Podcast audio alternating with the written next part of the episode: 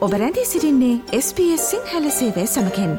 වැඩිතුර තොරතුර දැනැනීමට පිවිසන්න ps.com.ta/ Sinhala වෙපඩවයට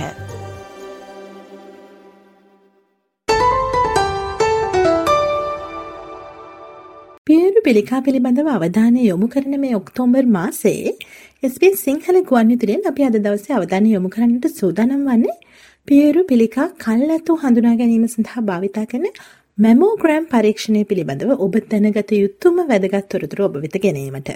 ඉතින් ඔස්ට්‍රේලියාවේදී මේ mammogram පරීක්ෂණයක් සිදු කිරීමේදී ඔබ දැන සිටිය යුතු කරුණු මොනවද? මේ ගැන සාකච්ඡා කිරීමට අද දවසේ අප සමග සම්බන්ධ වන්නේ බ්‍රිස්බේන් සිට පවුලේ වෛද්‍යවරයක් ලෙස කටයුතු කරන විශේෂඥ වෛද්‍ය ලක්මිනී බස්නායක මහත්මිය.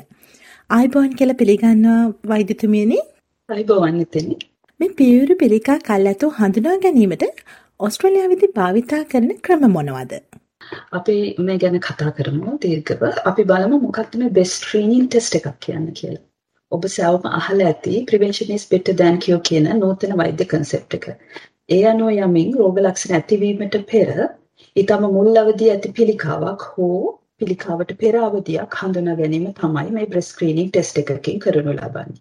එහි අරමුණ වන්නේ කලින්ම එම තත්වයට ප්‍රතිකාර ආරම්භ කොට සංකූලතා එහෙමත් නැත්නම් රෝගය තවදුරටත් පැතිරීම වළක්වා සුවත්තටපත් කිරීම. ඕස්ට්‍රේලියාවේ මේ සඳහා දැනට අනුමත තාක්ෂණික පරීක්ෂාව වන්නේ 2D මැමෝග්‍රම් පරීක්ෂණය. එය විශේෂිත වූ බ්‍රෙස්ට් එක්ස්රේ එක. එයින් අපිට බ්‍රෙස්ට් එකේ බ්‍රෙස්ට් එකේ ඊටමත් කුඩා වෙනස් වීම ඊටමත් කලින් හඳුනා ගැනීමට හැකියාව තියෙනවා. එමගින් හඳුනා ගනු ලබන මෙම කුඩා වෙනස් වීම සමහර විට ඔබේ වෛද්‍යවරයා විසින් සිදු කරන බ්‍රෙස්ට් එක්සැමිනේෂන් එකකින් හඳුනා ගැනීමට නොහැකි වන්නට පුළුවන්. ඒ කියන්නේ ස්ක්‍රීනින් මැමෝග්‍රෑම් එක අපිට උදව් වෙනවා මොනවත් රෝග ලක්ෂණ නැති අයෙකුගේ බ්‍රෙස්ට් ටිෂු වල අවදානම් සහිත කුඩා වෙනස් වීම හඳුනා ගැනීමට. එසේම යමෙකුගේ බ්‍රෙස්ට් වල ඇති ගැටිති එහෙමත් නැත්නම් ලම්ප් මුලින්ම ඩයග්නෝස් කර ගැනීමටත් මෙම මැමෝග්‍රෑම් තාක්ෂණය ආධාර වෙනවා. මැමෝග්‍රෑම් පරීක්ෂණය කරන අවස්ථාවේදී පියයුරු ඔබේ පියයුරු එක්ස්රේ ප්ලේට් දෙකක් අතර කම්ප්‍රෙක්ස් කරනු ලබනවා.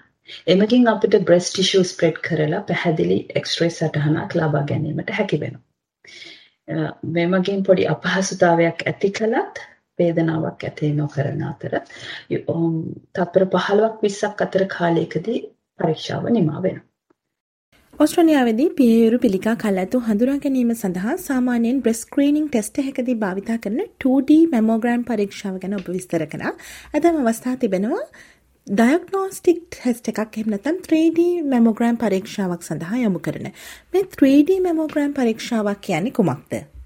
මොකක්ද මේ 3D මැමෝග්‍රෑම්? එහෙමත් නැත්නම් බ්‍රෙස්ට් ටෝමොසින්තසිස් එකක් කියන්නේ. මෙහිදී නවතම තාක්ෂණික ක්‍රම උපයෝගී කරගෙන පියවරුවල 3D ඉමේජ් එකක් ලබා දෙනවා. එමගින් පියවරුවල ඇති පිළිකා පෙර අවදි පිළිකා රෝගී තත්ත්වයන් ගැන වඩාත් වැඩි තොරතුරු ලබා දෙනවා. මේ නිසා එම පරීක්ෂණයට හැකියාව තියෙනවා 2D මැමෝග්‍රම් එකට වඩා අපේ ඊටාම කුඩා පියවරු පිළිකා තත්ත්වයන් ප්‍රමාණය පිහිටීම හැඩය සහ ගැටිති කිහිපයක් එකවර නිවැරදිව හඳුනා ගැනීමට ඒ වගේම ඔස්ට්‍රේලියාවේ වර්ල්ඩ් වයිඩ් කළ තියෙන ස්ටඩීස් වලට අනුවත් එහි නිවැරදිතාව වැඩි බව හඳුනාගෙන තියෙනවා. මේකෙදි කෙරෙන්නේ එක්ස්රේ ප්ලේට් දෙකක් අතර කම්ප්‍රෙස් කර පියවරු වල විවිධ ඇන්ගල් වලින් අඩු විකිරණ සහිත එක්ස්රේ සටහන් 11ක් හරි 25ක් අතර ප්‍රමාණයක් ගනු ලබනවා ලැබීම සහ එම එක්ස්රේ සටහන් උපයෝගී කරගෙන කම්පියුටර් තාක්ෂණයෙන් 3D රූපයක් සාදා දීම. මෙහි ඇති ප්‍රධාන අවාසි වන්නේ එය මිල අධික වීම එසේම විකිරණ වැඩි ප්‍රමාණයකට නිරාවරණය වීම. දැනට ඕස්ට්‍රේලියාවේ මේ මෙය ප්‍රෙස්ක්‍රීනින් ටෙස්ට් එකක් විදිහට භාවිත කරන්නේ නැහැ. නමුත් යම් අයෙකුට පියවරු පිළිකා පාස්ට් හිස්ටරි එකක් තිබෙනවා නම් හෝ පැමිලි හිස්ටරි එකේ පෙර සඳහන් කළ පරිදි පියයුරු පිළිකා රිස්ක් එකක් තියෙනවා නම් හෝ වෛද්‍යවරයා සිදු කරන සිදු කරනු ලබන පියයුරු පරීක්ෂාවේදී එක්සැමිනේෂන් එකේදී පියයුරු පිළිකාවක් කියලා බෙහෙවින් සැක කරන ගැටිති තිබෙනවා නම් හෝ එම කාන්තාව 3D මැමෝග්‍රම් එකකට වෛද්‍යවරයා විසින් යොමු කරනු ලබන.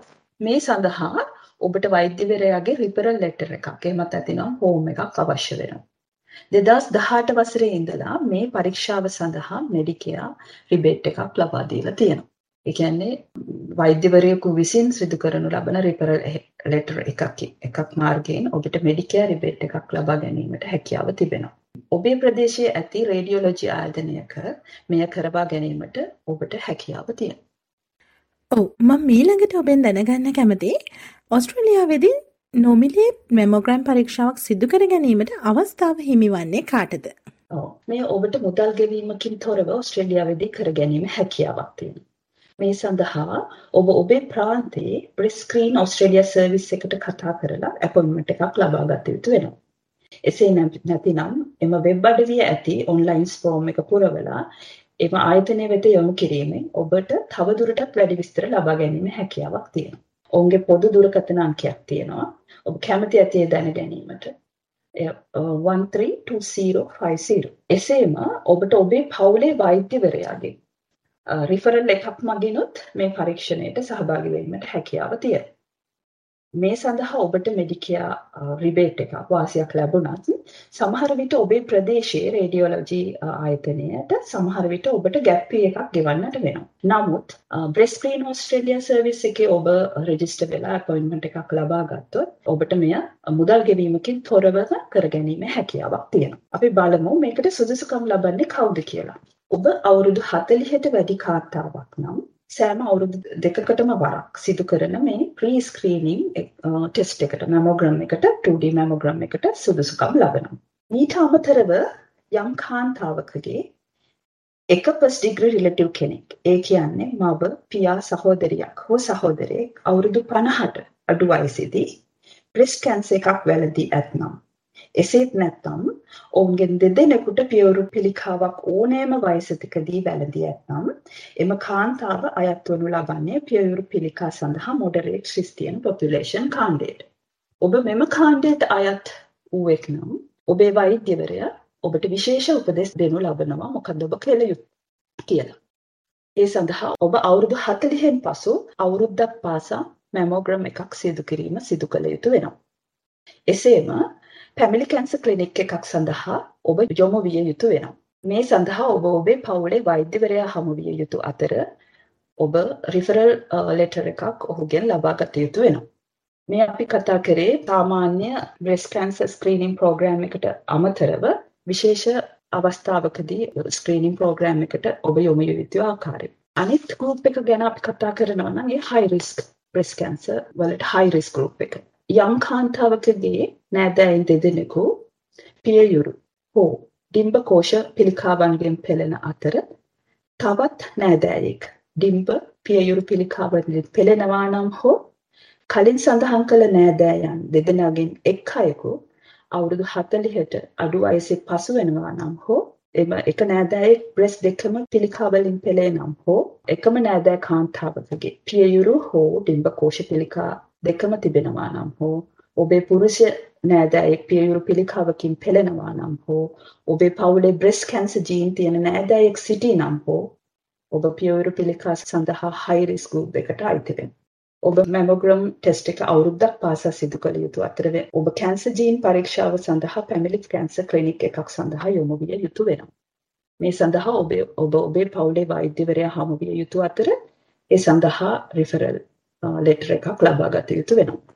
අවුරුදු 50ට 50 50 සහ 74 අතර පසුගියේ පසුවන කාන්තාවන් සඳහා සෑම වසර දෙකකටම සැරයක් ඔබට ඉන්විටේෂන් එකක් ප්‍රෙස්ක්‍රීනින් ඔස්ට්‍රේලියා වෙතින් ලැබෙනු ඇති. ඔබ අවුරුදු 40ට වැඩි කාන්තාවක් නම් සෑම අවුරුදු දෙකකටම වරක් සිදු කරන මෙම ප්‍රී ස්ක්‍රීනින් මැමෝග්‍රම් සඳහා සුදුසුකම් ලබනවා. නමුත් ඔබට බ්‍රෙස් ස්ක්‍රීනින් ඔස්ට්‍රේලියා සර්විස් වෙතින් ඉන්විටේෂන් ලෙටර් එකක් ලැබෙන්නේ නැහැ. මොකද ඔස්ට්‍රේලියාවේ ස්ක්‍රීනින් ප්‍රෝග්‍රෑම් එක දැනට අනුමත වෙලා තිබෙන්නේ අවුරුදු 50යි 77යි අතර ඒ වයස කාණ්ඩයට. අවසාන වශයෙන් මම ඔබෙන් දැනගන්න කැමති මේ වසර දෙකකට වරක් ආදී වශයෙන් නිතර නිතර මැමෝග්‍රෑම් පරීක්ෂාව සිදු කිරීමේ යම් අවධානමක් තිබෙනවද?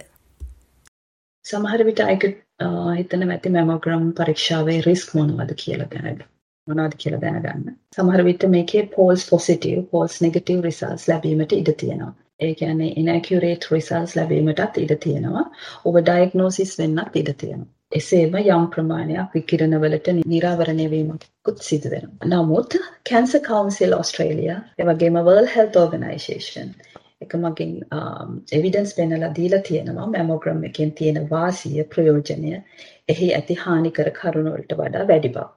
ඒ කියන්නේ පළමුව මම පැහැදිලි කළා වගේ ඒ රෝගය කලින් හඳුනාගෙන සංකුලතා පැතිරීම වලකා මරණ ඇතිවීම අඩු කරනු ලබනවා.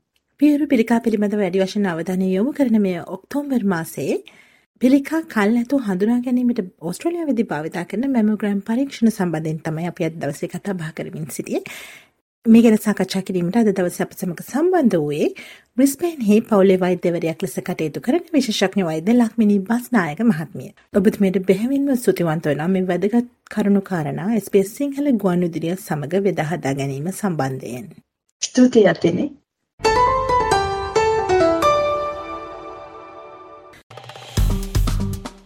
ලයි කරන්න ෂයා කරන්න අදහස් ප්‍රකාශ කරන්න SBS සිංහල ෆස්බුක් පිටුව ෆලෝ කරන්න.